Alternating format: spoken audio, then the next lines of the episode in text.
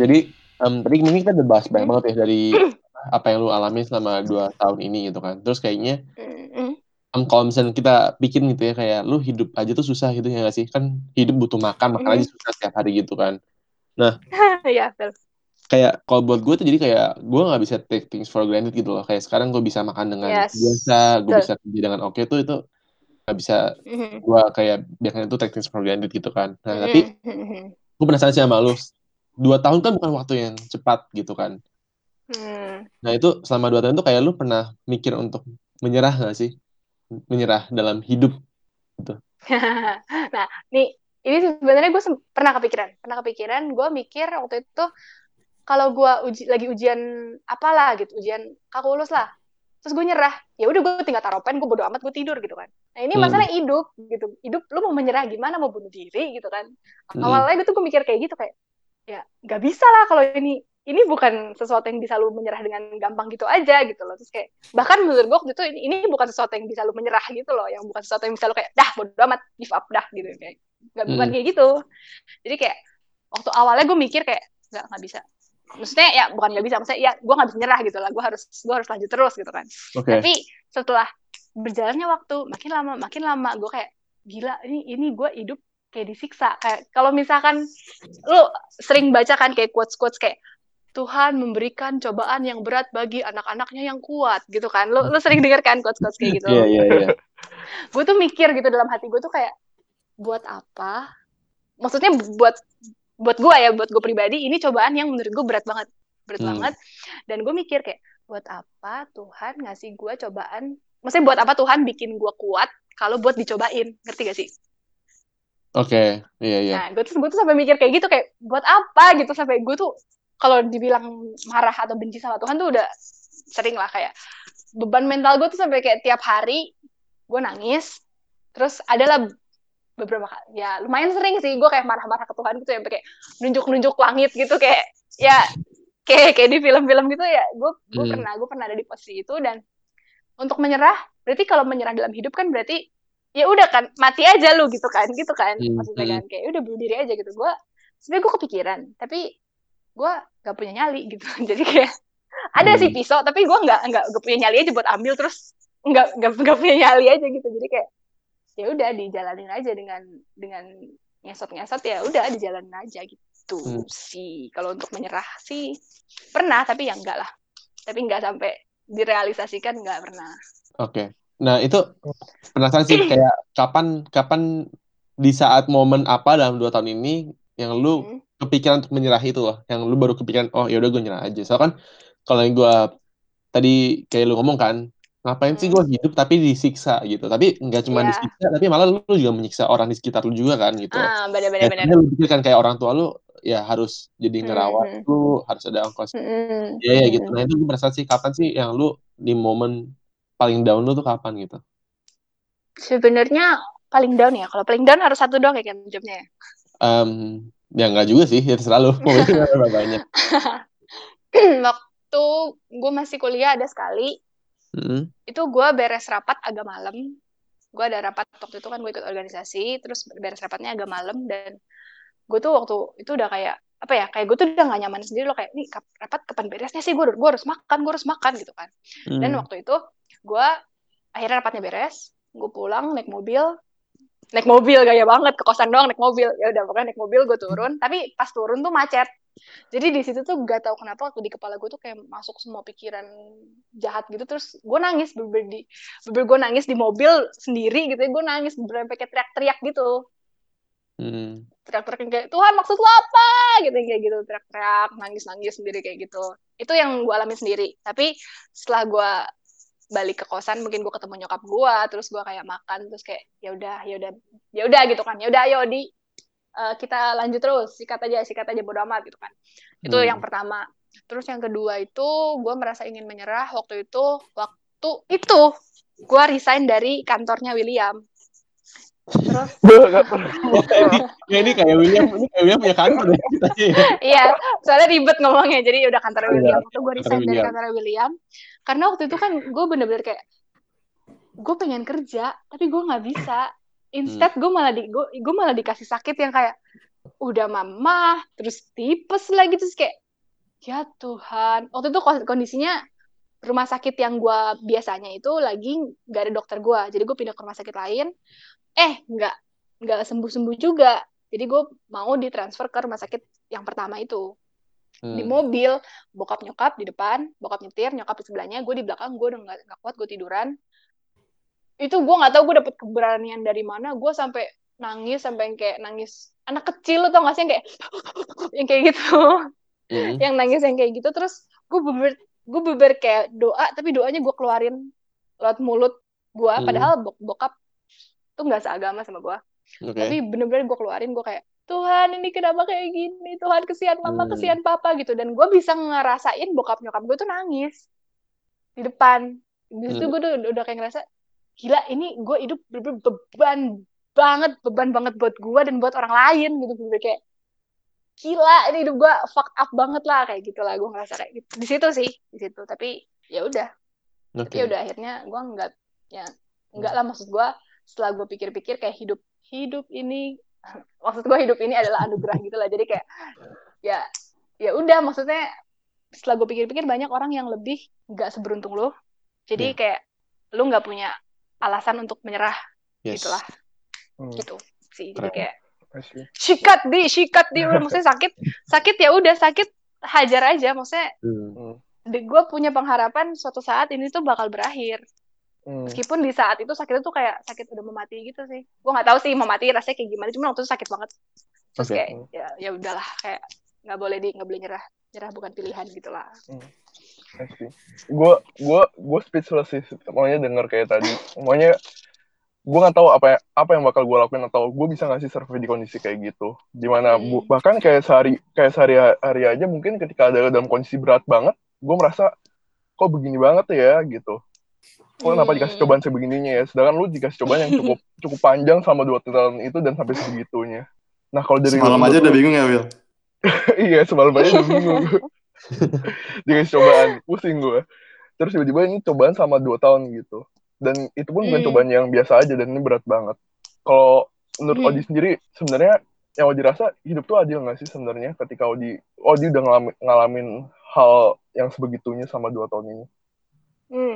menarik sih Will karena lu barusan ceritakan lu maksudnya lu menghadapi apa terus kayak terus lu bandingin sama kehidupan gue gitu kan itu kan kesannya kayak lu ngomong gitu kesannya kayak gila hidup ini gak adil banget gitu kan kayak kalau Odi dikasih nilai dua gitu hidupnya William kayak dapat nilai 8 lah mesti kayak gitu kan hmm. maksudnya hmm. bisa dilihat tuh kayak hidup ini tuh gak adil secara kalau misalkan lihat tuh hidup ini gak adil tapi kalau misalkan gue flashback lagi ke belakang gitu ya um, hmm. sekarang sekarang kondisi gue uh, udah better lah udah so, udah better banget lah. Maksudnya gue bisa makan. Sekarang gue udah gue udah gue udah lapar gue udah kenyang gue udah bisa ini kok. Gue udah gue udah gue udah udah ada apa udah nafsu makan gitu kan. Udah makan apa tuh kemarin uh, udah makan apa? udah makan apa kemarin? Indomie guys Indomie. Gue udah dua tahun gue tiga tahun kayaknya nggak makan Indomie. Gila seru banget. Indomie pakai telur setengah mateng ya ampun gila itu. Gue penangis sumpah makan tuh beneran gue kayak terharu banget gila kayak hmm. Indomie gitu terus tapi ya udah apakah hidup itu adil meskipun kelihatannya tidak sebenarnya hidup itu adil Maksudnya hmm. gimana ya Bel ya? Gue nggak tahu hmm. masalah lu sedalam apa, tapi gue percaya masalah lu tuh berat buat lu. Hmm. Gitu loh. Maksudnya uh, eh, gue share masalah gue, tapi toh gue bisa ngelewatin itu semua. Kenapa? Mungkin karena Tuhan kasih gue teman-teman yang baik, yang selalu support gue, yang selalu orang tua yang gila-gilaan baiknya buat gue. Mungkin gue dikasih cobaan yang berat, tapi Tuhan juga kasih gue backupan yang kenceng juga gitu loh. Jadi kayak menurut gue adil-adil aja gitu loh kayak ya ya adil buktinya apa buktinya gue bisa ngelewatin itu semua ya kan hmm. nangkep gak nangkep intinya gak? intinya kalau lu bandingin sama orang nggak bakal pernah adil cuman mm yang namanya hidup ya kita nggak boleh bandingin lah kita harus mm lihat ke diri kita sendiri pasti saat yeah. kita ada kekurangan adalah lebihnya uh, uh, uh. Bener. Hmm, ya bener sih kayak maksudnya di saat hmm. lu dikasih satu cobaan lu pasti dikasih backingan yang kuat juga buat lo untuk menyelesaikan masalah itu hmm. gitu apa pun masalahnya lah apa pun hmm. masalahnya misalkan William dengan masalah A gue dengan masalah B gue dapat backingan B William dapat backingan A hmm. hmm. William bisa menyelesaikan masalah gue bisa menyelesaikan masalah udah adil kan sama-sama beres kan masalahnya. Yep. ya, tapi lu lu baru merasakan akhirnya oh iya bener hidup tuh adil tuh kapan sih? Apa apa hmm. dari awal lu punya mindset itu kayak gitu kan? Atau atau enggak, enggak itu kayak setelah semua ini berlalu terus lu baru menyimpulkan gitu oh ya ini benar deh hidup tuh adil gitu. Lebih ke setelah masa-masa sulit itu berlalu. Masa masa-masa sulit tapi masih sulit juga. Gimana ya kayak um, awal tahun ini sih gue baru ngerasain kayak enggak kok hidup ini adil-adil aja kok gitu. Buktinya buktinya gue nggak dapat pekerjaan untuk kerja di kantor William tapi gue masih bisa ngajar melakukan hal yang gue suka. Maksudnya gue suka musik gue suka main piano gue gue main piano dari gue balita. Jadi kayak dan itu sekarang bisa jadi apa ya bisa jadi bakul nasi gue lah bisa jadi apa sumber pendapatan gue dan main gue sama anak kecil. Sama anak kecil tuh lucu guys? Menyenangkan sekali kayak lucu banget gitu loh. Jadi kayak awal tahun ini sih atau awal, awal tahun 2020 ini gue baru ngerasa kayak enggak kok maksudnya ya hidup hidup ini tuh adil-adil aja kayak hmm, hmm udah hmm. ya udah gue hmm. meskipun gue nggak dapet yang ini tapi gue dikasih yang ini meskipun gue nggak hmm. melewati ini tapi gue melewati sesuatu yang ini gitu loh jadi kayak ya udah adil tahun 2020 sih karena setelah gue menyadari kayak oke okay, kapasitas gue bukan di sini tapi di tempat lain jadi kayak hmm. merubah mindset kali ya 2020 itu gue kayak Awal 2020 kalau, awal. Kalau ada orang yang pernah bilang ke gue tuh namanya mungkin blessing in disguise lah. Yes. Apa? Yes, yes. Ya benar sih. Dari ya, bener sih. segala apa? Semua kesulitan yang pernah segala cobaan yang pernah lo uh, berikan hmm. pasti in the end kalau kita lihat ada aja gitu kan hikmahnya. Ada aja. Ya ada aja. sih? Mungkin di saat lo mengalami gitu ya di saat 2018 2019 di saat lo mengalami tuh kayak apa? Hikmahnya apa? Hmm. nggak ada. Hmm. tapi ketika sekarang gue udah bisa makan indomie gue hmm. flashback ke belakang gue bisa ngelihat gila ya orang tua gue segitunya loh buat gue loh. Gila ya teman-teman gue nge-support gue segitunya loh. Gila ya gila ya ternyata Tuhan tuh bikin rencana kayak gue dikenalin ke sekolah musik ini tuh kayak segitunya gitu. Sampai kayak wow gitulah. Ya begitu. Nah, jadi yang gue pengen gue tanya tuh sebenarnya blessing in disguise atau mungkin hal yang lu pelajari tentang hidup dari mm -hmm. cobaan itu apa aja deh? Yang dari cobaan gue ya, ada beberapa sih pastinya. Yang pertama, lo harus sabar. Ya itu pastilah, gak mungkin gue gimana ya? Gue awalnya adalah orang yang tidak sabar. Kayak kalau misalkan gue sakit, gue pengen kayak langsung, dokter suntik biar aku sembuh, dah gitu. Kayak maksudnya pengen instan gitu lah. Pengen instan beres gitu. Tapi instead Tuhan malah kasih gue penyakit yang dua tahun gak sembuh-sembuh. Jadi itu sangat menyadarkan gue untuk nggak bisa di. Lu kalau mau dapat sesuatu tuh ya nggak bisa nggak nggak semuanya bisa instan. Nggak semuanya bisa instan dan selama proses dua tahun itu gue menyadari banget yang namanya support dari teman-teman support dari orang tua. Itu kayak wow banget gitu. Maksudnya gue percaya semua orang tua baik sama anaknya. Itu pasti hmm. baik. Maksudnya itu ya iyalah orang tua sayang sama anaknya gitu. Tapi ketika gue melihat gue nangis teriak-teriak bokap nyokap gue instead of udah di jangan nangis. Mereka ikutan nangis. Itu menurut gue kayak wah gila. Orang maksudnya gue bisa menyaksikan orang tua yang sebegininya gitu loh. Kayak ya ngerti kan? Maksudnya instead gue gue lagi nangis nih. Instead of orang-orang kayak udah di jangan nangis sabar ya sabar ya. Enggak mereka nggak gituin gue mereka mereka ikutan nangis bareng-bareng gue gitu loh kayak. Hmm. itu di situ jadi momen yang menurut gue empowering gue banget. Kayak wow gue punya support gue punya support system yang gila banget gitu. Maksudnya gue lemah tapi mereka dorong gue segitunya gitu loh.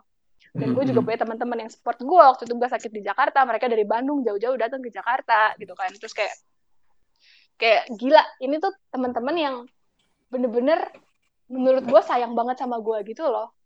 Emang sih temen tuh emang emang teman teman baik teman baik pasti sayang banget sama lo. Tapi gue dikasih kesempatan untuk merasakan itu secara nyata gitu loh itu sih yang menurut gue kayak wah gila ya ternyata. Ya itulah kayak maksudnya gue punya backupan gue punya support yang wah dahsyat banget gitu kan. Hmm. itu sih ya pertama. Terus abis itu um, yang tadi Kenny bilang gue mau nyerah gue menyerah iya gue pengen nyerah tapi di saat gue pikir-pikir lagi kenapa gue nggak jadi nyerah? Itu karena gue punya semangat dari diri gue sendiri dan gue punya backingan yang kencang itu menurut gue gitu sih kalau misalkan lu dalam apa ya dalam masalah apa pun gitu. Kalau misalkan lu nggak punya semangat tapi lu punya backingan yang kencang kayak ya udah mereka kayak dorong gajah gitu kayak nggak ya nggak bisa jalan ke mana-mana karena lu sendiri nggak mau. Gue mungkin pernah ada dalam posisi kayak gitu ya. Kayak udahlah gue udah capek menjalani hidup. Tapi sementara orang tua gue kayak ayo Odi jangan nyerah. Odi nggak boleh capek. Kayak gitu. Tapi kayak gue udah kayak aduh apaan sih males gitu kan. Kayak ya gitu nggak bakal nggak bakal bawa lu ke mana-mana lu akan diem di tempat. Mhm. sementara kalau misalkan lu punya semangat yang kenceng buat pengen pengen sembuh pengen sembuh tapi nggak ada backingan dari backingan dari yang dari orang tua lu dari temen-temen lu dari saudara-saudara lu itu kayak gak bakal apa ya gak bakal gak bakal efektif lah. Maksudnya kayak ya lu kayak berjuang sendiri. Jadi ya menurut gue itu sih dua dua hal itu yang penting. Kayak lu harus punya semangat dari diri lu sendiri dan dari dan dukungan dari teman-teman yang lain itu terus yang ketiga gue sering dapet kayak gini deh gue sering dapet kayak tadi William bilang hmm? dia banding banding dia bandingin kehidupan dia sama kehidupan gue nah yang gue pelajari adalah jangan jangan ngebandingin hidup lu sama orang lain maksudnya kalau hmm. gue di kalau gue jadi William mungkin gue nggak kuat mungkin gue udah udah nggak kuat drop out aja drop out aja dari dari dari kantor di sana ya di sana aja gitu. atau mungkin William jadi gue mungkin William bakal mungkin dia bisa mengalahkan penyakit ini dalam waktu satu tahun mungkin gitu kan. Jadi menurut gue gini gini deh. Gue punya teman satu teman teman sekolah gue eh teman kampus gue hmm. itu suka gue dia tuh suka gue pukul. Nggak nggak sih nggak pukul juga sih jahat maksudnya suka gue kayak kayak selepet selepet manja gitu loh kayak ih gitu loh. Dan di saat itu dia tuh kayak oh sakit tahu gitu. Dalam hati gue gue bilang kayak apaan sih lemah banget digituin doang gitu kan. Mungkin orang lain ngelihat gue kayak gitu kayak apaan sih? Dia sakit mah doang sampai begitu amat dua tahun gitu. Mungkin mungkin aja mungkin aja gitu kan. Hmm. tapi maksudnya di sini itu adalah ya jangan ngejudge orang. Jangan ngejudge orang karena lu nggak pernah jadi dia. Misalkan kalau gue jadi temen gue ini selepet manja itu mungkin aja gue diselepet manja gue nangis mungkin aja. Mungkin aja gue hmm. dia kan kayak ah oh, oh sakit gitu. Mungkin aja gue diselepet gue kayak oh dia sakit tau terus gue sampai nangis nangis itu ya mungkin aja karena gue nggak tahu kapasitas kapasitas dia segimana jadi ya jadi ya ya udah maksudnya gitu aja gitu. Kayak lu nggak lu nggak pernah jadi orang itu orang itu nggak pernah jadi lu jadi ya udah jangan ngejudge. Ya udah yang lu, lu bisa lakukan adalah kalau misalkan dia down lu semangatin dia lu baik baik hati aja kepada semua orang. Jangan hmm. jadi jangan ngejudge. Gitulah karena gue gue tahu sih maksudnya ada orang yang pernah ngelihat gue kayak gitu kayak apaan sih oh dia sakit mah doang. Lebay banget sampai segitunya. Hmm. tapi ya balik lagi maksud gue jangan ngejudge orang karena you've never been in their shoes dan sebaliknya gitu loh. Okay. Tadi poin yang gue suka sebenarnya poin yang kedua sih, yang apa tentang eh, yang pertama ya, yang tentang ada teman, ada keluarga gitu. Menurut gue emang mm. itu saat lu punya seseorang yang lu kasih, lu punya strength lain lah gitu. Lu nggak mau iya, mengecewakan bener. orang lain gitu. Sebenarnya mm. menurut gue lebih gampang kita mengecewakan diri sendiri daripada kita mengecewakan orang yang orang lain. kita kasih, yang kita kasih ya nggak sih? Bener, Dan saat bener, kita bener. udah punya orang kasih itu akan jadi strength menurut gue yang jangan cukup kuat lah gitu. Iya, bener-bener. Waktu itu gue sempet kayak hampir mau menyerah gitu ya, kayak karena kan bokap tuh kayak orangnya impulsif banget kayak, oh ini bisa sembuhin mah, beli. Ini bisa sembuhin mah, beli gitu kan. Sementara gue tuh kayak gue udah capek di PHP-in dengan obat A nyembuhin lu dalam waktu dua bulan. Gue makan dua bulan, eh gak sembuh. Terus obat B coba lagi, eh gak sembuh lagi gitu. Gue sendiri tuh kayak udah capek gitu loh, kayak udah kayak udahlah nggak usah coba-cobain obat udah beli obat mahal ditambahin suplemen ini suplemen itu udah kagak usah gitu tapi bokap gue tuh yang kayak beli beli beli ayo anak gue mesti sembuh gitu kan sementara gue nya ah udahlah apa nggak usah gitu di saat gue kayak gitu bokap gue bilang ya udah Odi kalau nggak mau coba nggak apa-apa. At least Odi coba buat papa. Waduh gila mewek kalau digituin sama bokap lu? Terus gue kayak aduh iya ya udah iya iya oh dimakan obatnya. Padahal gue tuh sama sekali nggak percaya itu obat bisa menyembuhkan gue tapi karena bokap gue yang ngomong kayak gitu waduh gila iya iya pak iya pak iya iya iya aku makan iya gitu hmm. lah gitu. Bener sih bener sih man. Bener banget. Jadi gue melakukan karena orang tua gue melakukan untuk orang tua gue gitu karena ya udahlah gue nggak mau mengecewakan mereka gitu hmm. oh dapat dapat banyak banget ya ini ya kita maunya udah dengar cerita udah dengar cerita dari sisanya terus juga dapat banyak hal yang tadi juga share juga. Nah, next di Odi ke depannya rencana ngapain aja nih? Kan udah udah udah Odi lakuin sama ini. Hmm, ke depannya maybe yang pasti gue pengen piano sih. Piano gue pasti bakal lanjutin karena menurut gue piano itu adalah passion gue dan ngajar juga passion gue. Jadi gue dapet kerjaan yang bener-bener passion gue dan gue akan lanjutkan itu. Sama gue pengen hmm. apa ya kayak istilahnya kayak mungkin ambil gelar di piano kali ya supaya gue bisa ngajar secara official gitu. Gimana sih? Uh, jadi ya uh, jadi misalkan di piano udah 10 grade nah 10 grade ada tes buat jadi guru official gitu. Nah sekarang tuh gue kayak udah di 9 lah gitu. Jadi gue kayak tinggal sedikit lagi menuju gelar itu. Jadi gue kayak ya gue mau kejar itu gue pengen tuntasin. Kalau kayak gitu kan maksudnya gue lebih gampang kan. Maksudnya buat cari kerja buat cari apa kan pasti bener, lebih bener. kayak nih saya udah punya gelar gitu kayak. Ya udah udah udah itu lebih gampang dan ya udah sih maksudnya untuk sementara karena mungkin sekarang gue pulih maybe udah kayak 90% gitu kalau dibandingin yang dulu. Sambil nunggu 10 persennya itu gue pengen ngajar piano. Ntar mungkin kalau misalkan udah 100 persen gue mungkin gue kepikiran gue pengen S2 atau gue hmm. pengen cari gue pengen cari kantor supaya gue bisa kerja kayak kalian-kalian gitu. Kayak kan asik. Kan asik ya punya temen. Maksudnya asik lah punya temen koleganya banyak gitu kayak. Uh. kalau gue kan kolega gue Maksudnya gue kerja ketemu, ketemu siapa gitu anak kecil, manggil gue Miss, buset. Nanti ada kok, nanti kan ada yang seumuran. Iya. Oh iya aman, main triangle, siap, boleh. Uh, Tapi cuma satu, uh, itu juga udah kenal, uh, enggak. Terus kayak ya udah. Um, gitu sih. Tapi kalau gitu, kalau gitu, Odi hmm? mau memperdalam di piano dulu saat pastinya ini. Pastinya sih, pastinya. Hmm. Ke depannya ada plan yang tapi bergantung dengan kondisi Odi ke depannya kalau gitu ya. Plannya akan yes. baik kan. Uh, hmm, kalau kalau kayak gini-gini terus sih, maksudnya kalau gue kayak kesehatan gue kayak begini terus sih, mungkin gue akan kejar di piano. Sama sebenarnya piano kan nggak terlalu time consuming banget kan. Maksudnya gue masih hmm. punya banyak waktu kosong. Gue pengen coba aktif di lembaga-lembaga sosial. Kayak kayak yayasan anak apa yayasan apalah gitu kayak maksudnya itu itu juga passion gue menurut gue dan gue senang melakukan pekerjaan-pekerjaan seperti itu dan mungkin gue akan lakukan itu kalau kesehatan gue kayak gini terus ya. Enggak sih tapi kayaknya kalaupun kesehatan gue membaik lagi juga kayaknya gue pengen deh. Misalnya gue pengen tetap pengen tetap kayak uh, maksudnya aktif di lembaga-lembaga seperti itu.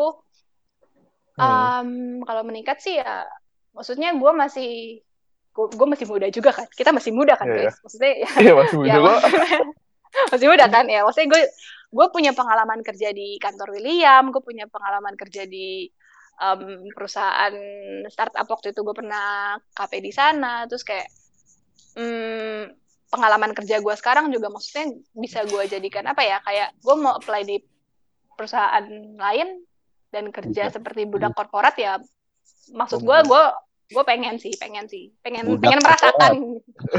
udah korporat. sorry guys. Iya gitu. Saya pasti sehatan kok. Pasti sehatan loh, Di. Amin, amin.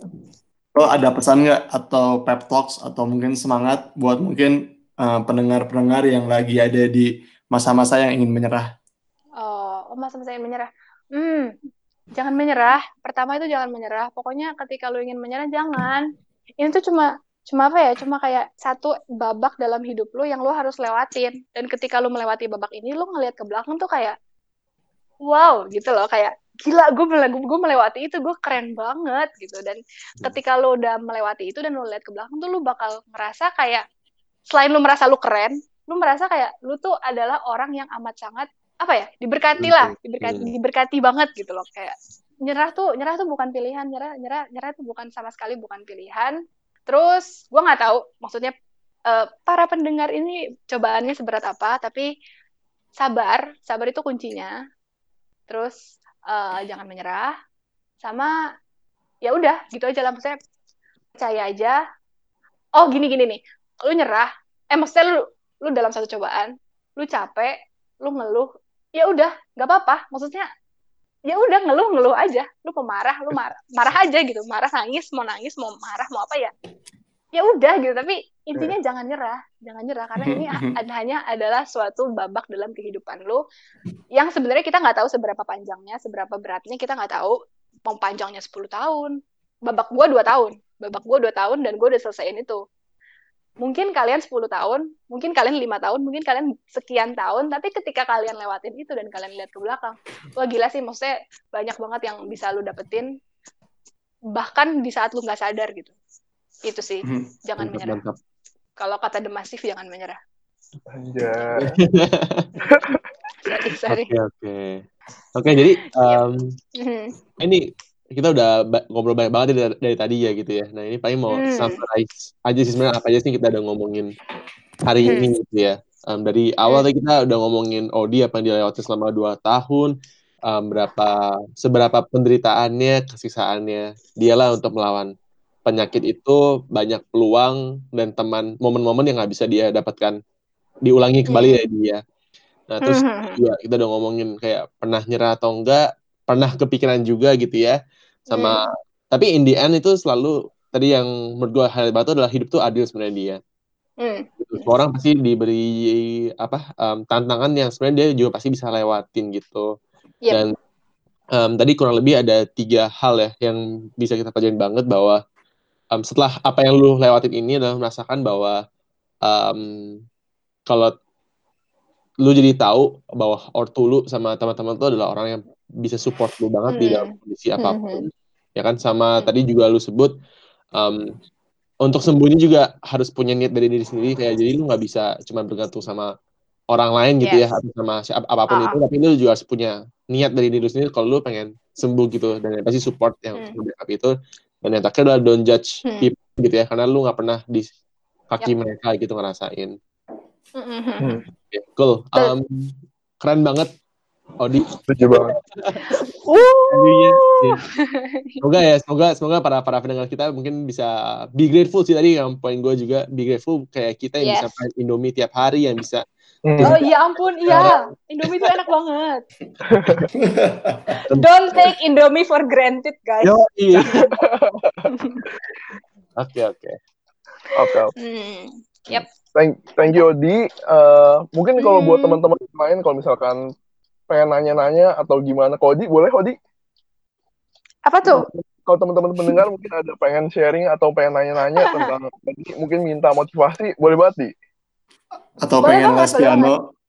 Oh, oh boleh boleh langsung kontak aja apa nih Instagram Instagram. Iya nanti kita bakal tag Instagram Odin Iya ya boleh silakan dan, open banget open banget. Nah tuh dan buat teman-teman mungkin juga mau sharing sesuatu buat tentang apa yang teman-teman dapat boleh banget nih share ke kita juga ada ke Instagram atau email kita ada di deskripsi kita. Paling itu Asik. aja ya. Kenny, Alman ada lagi? Hmm. Audi? Udah.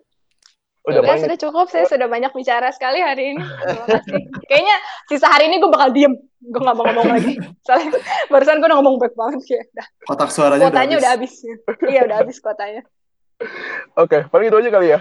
Oke, okay. mm -hmm. thank you Odi, thank you semuanya. Iya, yeah, thank you juga Will Kenman. Bye-bye.